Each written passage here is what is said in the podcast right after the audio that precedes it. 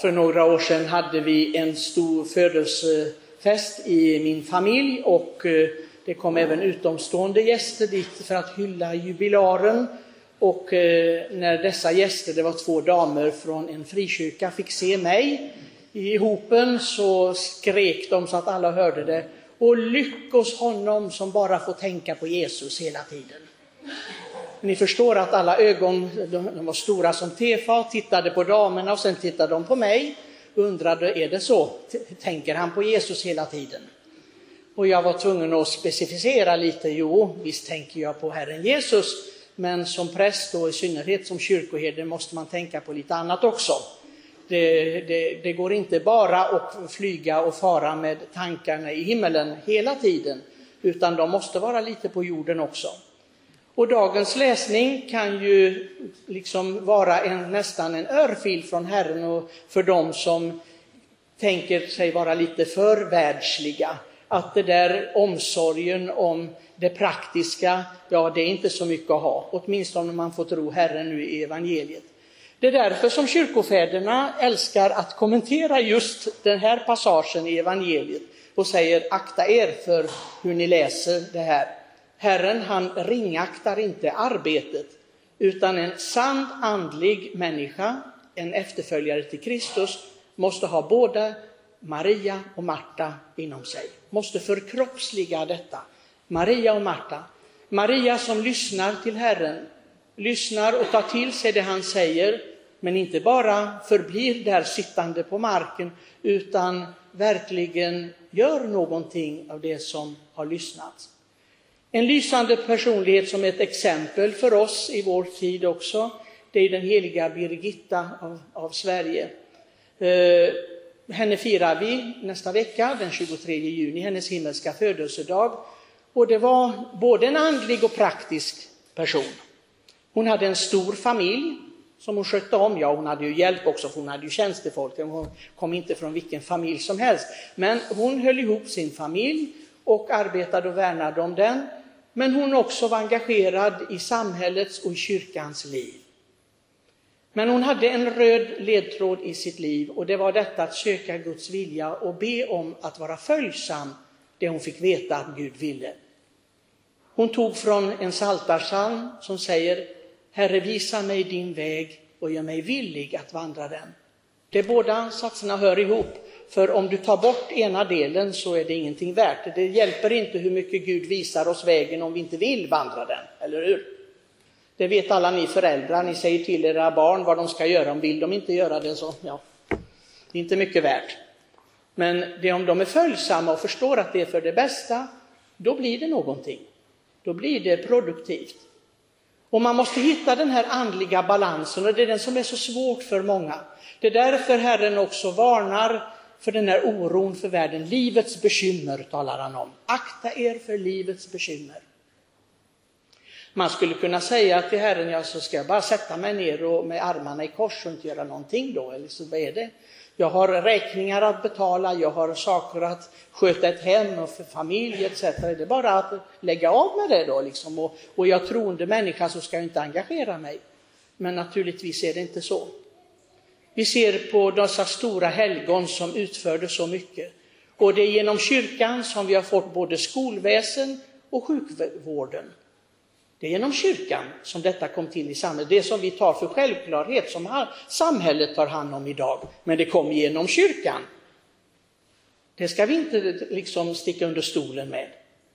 Det är kristendomen som har infört detta i samhället på ett organiserat sätt. Och det är för att människor har förstått att evangeliet måste praktiseras i gärningar. Det går inte bara att säga att jag tror på Gud och det räcker. Och den som säger så tänker att jag behöver inte göra mitt utan rider på andras aktivitet och Det är parasiter. Det finns tyvärr många parasiter, både i samhället och i kyrkan. Människor som inte gör någonting, de bara ser på när andra arbetar och liksom utför någonting. Det är parasiter.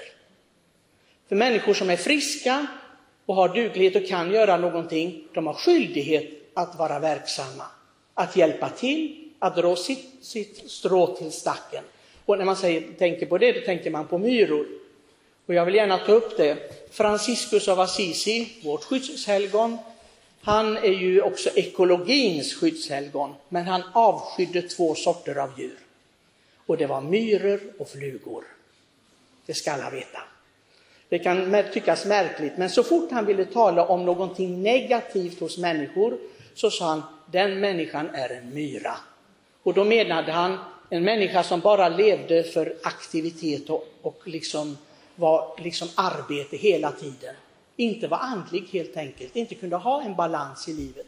Eller också var det broder Fluga, när han såg att någon skydde arbetet och att vara med och hjälpa till. Det är en parasit, alltså som inte gör någonting, inte ger någon glädje för någon. Och det vet vi ju, det gör ju inte flugor. De ger inte glädje, inte åt mig åtminstone. Så vi ska ha en andlig balans där vi vet att Gud tar hand om allt och det hör vi i första läsningen. Det är ett, ett av de där stora paradtexterna som talar om treenigheten. Det hoppas jag att ni har förstått. Att Gud är treenig. Redan i Gamla Testamentet presenterar sig Gud i början av Bibeln som treenig. Tre personer, men han är en Gud. Och han kommer till Abraham, trons fader, till Sara, hans fru, och får gästa dem. Och han säger, jag tar hand om er. För de levde i den största olyckan. De var ett gammalt par och hade inte fått se några barn. Men Herren sa, jag tar hand om er. Jag vårdar om er och nästa år ska det ske. Och det är detta som Herren gör för dem som tror på honom. Han är trons fader och vi hoppas verkligen att vi också lever av tro. För då blir det någonting. Det ger resultat. Abraham han blev lovad att han skulle bli far till så många att inte ens himlens stjärnor skulle kunna täcka detta nummer. Att lyssna till Gud, det är det vi måste göra. Maria, Martas syster, hon la sig vid Herrens fötter och lyssnade. Och det är det första som Herren bjuder sitt folk. Lyssna Israel, säger han. Och det är många, vi kanske lyssnar och lyssnar, men det leder ingen vart. Det får inte liksom fotfästen, det gror inte inom oss att det bär en frukt. Och det är det det måste göra. Jag ska inte gå runt och fråga er här om vad handlade det om förra söndagen, för då kanske några skulle bara titta ner i, i bänken och undra, ja det kommer vi inte ihåg, det var ju en vecka sedan. Det var en väldigt viktig fråga. Det var, vad ska jag göra för att vinna evigt liv? Bra. Någon som lyssnade i alla fall. Mm-hmm. Det är den fundamentala frågan för oss och det är det det går ut på. Det var därför Maria satt vid Jesu fötter, för hon visste att han hade det eviga livets ord. Och det är det som borde vara en fundamental fråga för oss också, mitt i allt den oro som livet är. Livet är ett kaos för oss alla. Vi ska inte tro att någon kommer undan. Det finns vissa som tittar på andra och tänker den personen har det bra. Titta vilket liv den lever och titta hur, vilka saker, vilka bilar, vilken, vilken bostad, jag vet inte vad, vilken utbildning och jobb. Jag vet, ja. ja, ja, det är utanför verket det. Men vem vet om den personen uppnår det eviga livet? Och det gäller oss alla. Vi behöver inte vara avundsjuka på alla, för alla får sin beskärda del av lidande. Det kan jag garantera som har varit präst i så många år. Jag har hört så många historier, levnadshistorier, så att jag, jag förvånas inte över någonting mer. Men jag vet att alla får förr eller senare sin beskärda del. Ingen av oss kommer undan.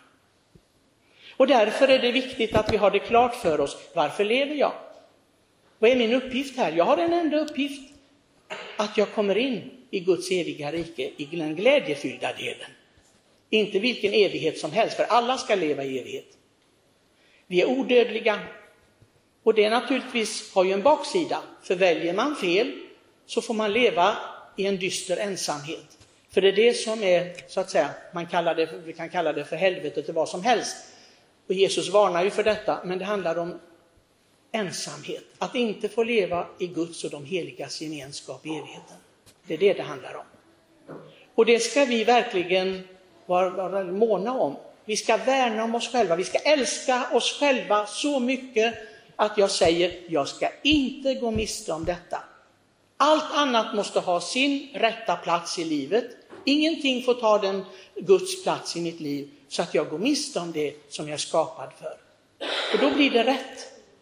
Och då får allting en balans och allting kommer på sin rätta plats. Min aktivitet, min vila.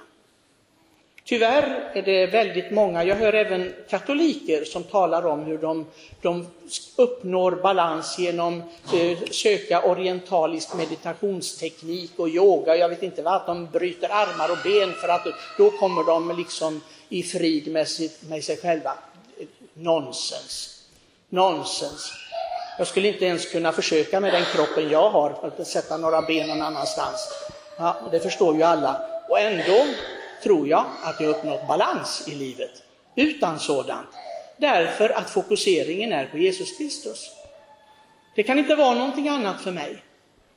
Och jag har ofta tänkt på det där som de där fromma damerna från en frikyrka ute i Västergötland sa. Han tänker alltid på Jesus. Det är det som, det är det som alla kristna ska göra. Om vi tänker på Jesus mer, det han gjorde för oss, det han står för, och denna utropet som han är för det eviga livet, då blir det bra. Då blir det bra. Och då går det inte så snett som det gör för många människor. När de tappar bort fotfästet i livet.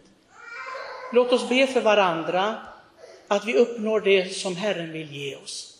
Det vill han om bara vi vill. Med den heliga Birgitta ber vi, Herre visa mig din väg och gör mig villig att vandra den.